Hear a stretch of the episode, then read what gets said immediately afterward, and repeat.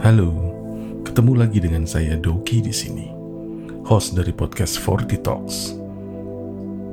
Kali ini kita dapat kesempatan untuk sharing cerita dari penulis ternama Tasaru GK.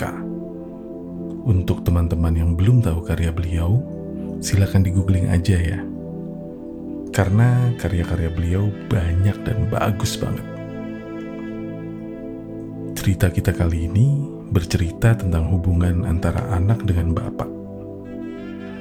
Kita sebagai anak mungkin dekat dengan bapak, tapi apakah kita cukup mengenal pribadi bapak? Apakah kita tahu rahasia-rahasia yang mungkin tidak akan pernah beliau bagi dengan anak-anaknya? Perjuangan yang beliau lakukan demi cita-citanya, demi kebahagiaan keluarganya mari kita dengarkan kisah nyata dari Tasaru GK. Aku bisa menyingkat cerita ini, tetapi aku tidak berniat melakukannya. Ini kali pertama.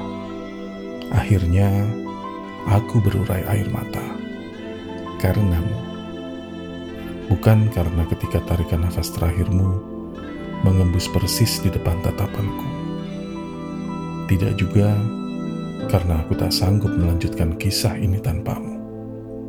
Akan tetapi, ribuan serpihan kenangan berhamburan berkelebat di dalam benakku. Begitu tak lagi kutemukan udara yang mengembus dari nafasmu. Ketika denyut nadi semakin melemah pada pergelangan tanganmu. Lalu, ada bayangan Sevilla yang menjadi sebuah film di dalam kepalaku tentang engkau yang masih remaja berjalan tegap melintasi tegalan kebun keluarga kita yang telah tua. Ketika itu, engkau tentu sosok yang sangat berbeda. Engkau tinggi bercita-cita, tetapi tentang masa depan, engkau tak tahu apa-apa. Maka, takdirlah kemudian yang berpilih satu demi satu. Seperti kumpulan bintang muda yang meledakkan supernova, menciptakan beragam sejarah melalui kelahiran-kelahiran baru. Darimu kemudian lahir sejarah baru, termasuk sejarah hidupku yang berpilin di dalamnya.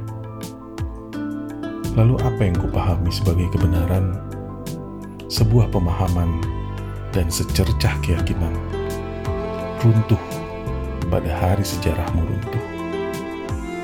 Engkau yang banyak disalahpahami, bahkan oleh anak-anakmu sendiri, mungkin masih menyimpan cerita-cerita tua yang tersembunyi. Entah doa siapa, ataupun amalan nenek moyang yang mana. Ketika orang-orang datang mereka berlomba-lomba menghadiahimu empati, mengirimkan doa untukmu dalam keikhlasan yang terpancar dalam mata mereka. Ketika engkau sudah tak bersama kami di sini, aku jadi sedikit tahu tentang kebaikan yang melibatkan namamu. Walau dalam hati, aku benar-benar tidak tahu, bahkan bertanya dalam hati Mengapa orang-orang itu begitu mudah memaafkanmu? Adakah keberuntungan hidup yang melebihi itu? Masih terbayang jelas ketika aku berbisik lirih di telingamu, ketika nafasmu tinggal satu-satu. Jika Bapak sudah hendak pergi, jangan ragu, kami telah mengikhlaskanmu mengunci segala yang baik tentangmu dan melupakan apa yang dianggap buruk darimu. Lalu, kami akan mengirimkan doa yang tak terputus untukmu. Kemudian, dari sudut matamu yang terpejam, ada air mata yang menitik terus-menerus, hingga bulu matamu pun basah olehnya.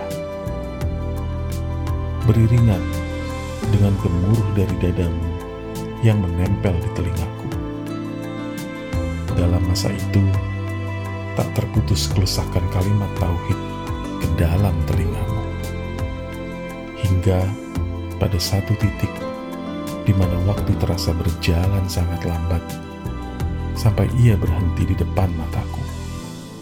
Satu entakan kecil menghentikan tanda kehidupanmu. Maka setelahnya, aku menyingkir sejenak, beringsut menuju pintu tua yang usianya dua atau tiga kali umurku, untuk memandangi kebun tua yang telah ada jauh sebelum masa kanak-kanakku. Kebun tua yang tak pernah berubah. Lalu, sebuah pertanyaan kecil dalam hati membuatku tergugu. Pertanyaan yang kutujukan untuk Bapak yang baru saja tiada. Apakah sepanjang hidupmu engkau pernah sejenak saja bahagia? Sudahkah pada satu titik kehidupan saja engkau telah menemukan tujuan hidupmu? Aku tak kuasa menahan derai air mata yang jatuh saat pertanyaan itu melintas. Aku menerka-nerka bahwa engkau pernah bahagia atau setidaknya engkau telah terbahagiakan. Sebab engkau menjadi perantara sejarah baru yang darinya telah menguncup tunas-tunas yang akan bermekaran di masa yang akan datang. Walau mereka mungkin tak mengenalmu, tetapi mereka berutang selamanya kepadamu. Kuhela nafasku ketika sore menjelang. Mungkin setelah ini, aku tak punya alasan lagi untuk mengunjungi tanah tua tempat kita bermula. Namun, bayangan tentang lelaki muda pada masa lalu yang begitu menggebu-gebu menyambut masa depannya akan selalu abadi dalam imajinasiku. Dia yang mencecap udara desa purba dan aroma tanah kering yang hari ini hampir tak bersisa. Dan aku menemukan mimpi anak muda itu pada mimpiku.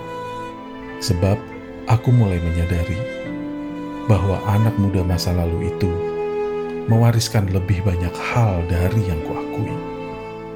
Mewariskan lebih banyak hal dari yang kusadari. Jadi dia tidak pernah benar-benar pergi dia tetap hidup, meletupkan semangat yang tak pernah berhenti. Alih-alih mengucapkan selamat jalan, aku hendak mengatakan, Selamat datang di keabadianmu, Bapakku. Sampai jumpa di episode selanjutnya.